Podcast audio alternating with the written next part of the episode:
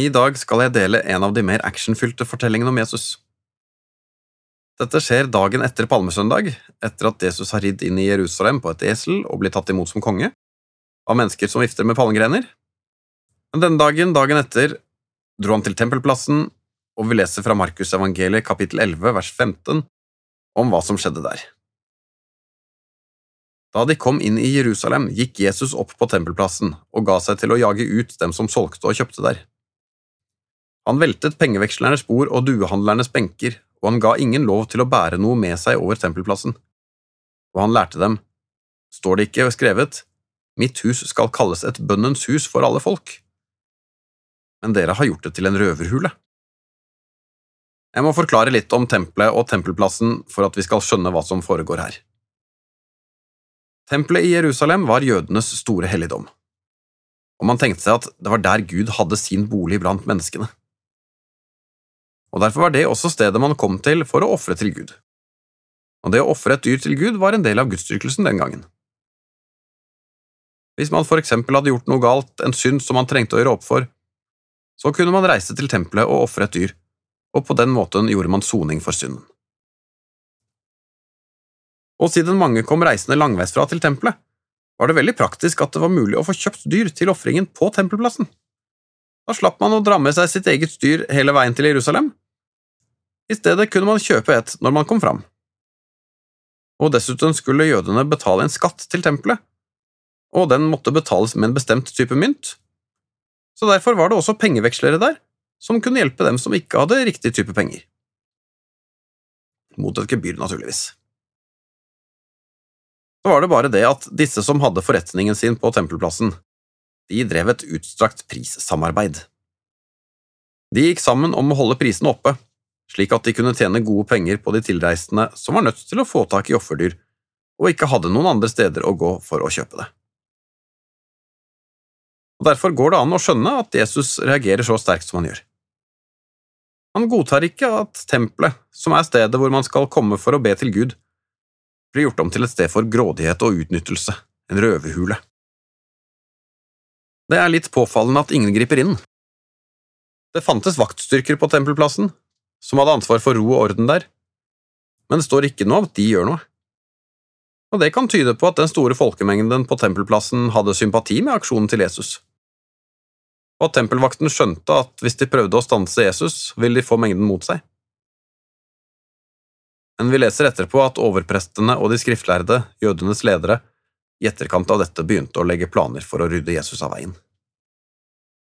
Jesus ryddet tempelplassen fordi han reagerte på grådigheten. Men det var kanskje en annen grunn også til at han aksjonerer som han gjør.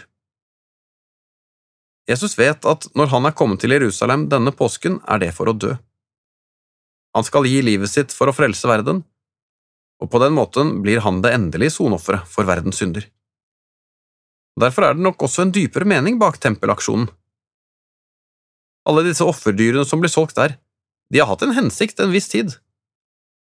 Men nå er den tiden over. Nå er det ikke lenger behov for dem, så de kan ryddes bort, for nå er det ultimate sonofferet på vei. Paulus skriver noe interessant i første Korinterbrev 6,19.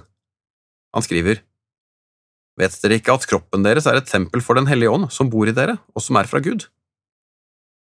Tempelet i Jerusalem er borte, og det er ikke behov for ofringer eh, der lenger. Og Gud bor i ikke et hus i Jerusalem, han bor i alle dem som tror. Så hvis du tror på Jesus, er du altså et tempel selv. Og da kan vi spørre, som et tankeeksperiment, hvis Jesus kommer til din tempelplass, hva finner han der? Er det behov for å rydde og renske ut noe der også? Hos noen av oss finner han kanskje at tempelplassen er full av skyldfølelse. Det at du stadig går og holder fast på gamle synder, husker på dem og bruker dem som stadig påminnelser om at du er et dårlig menneske og Gud kan umulig elske deg.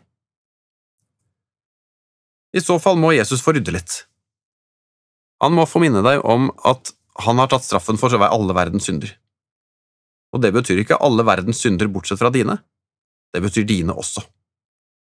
Hvis du går og bærer på skyld for synder som Jesus har tilgitt, da skal du lese påskefortellingen i Bibelen en gang til, og huske på at det du leser, er fortellingen om hvor høyt Jesus elsker deg, og hva han har gjort for å frelse deg.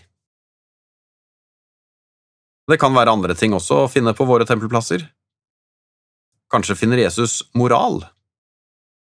Og moral er det for så vidt ikke noe galt med, så lenge den holder seg på den rette plassen.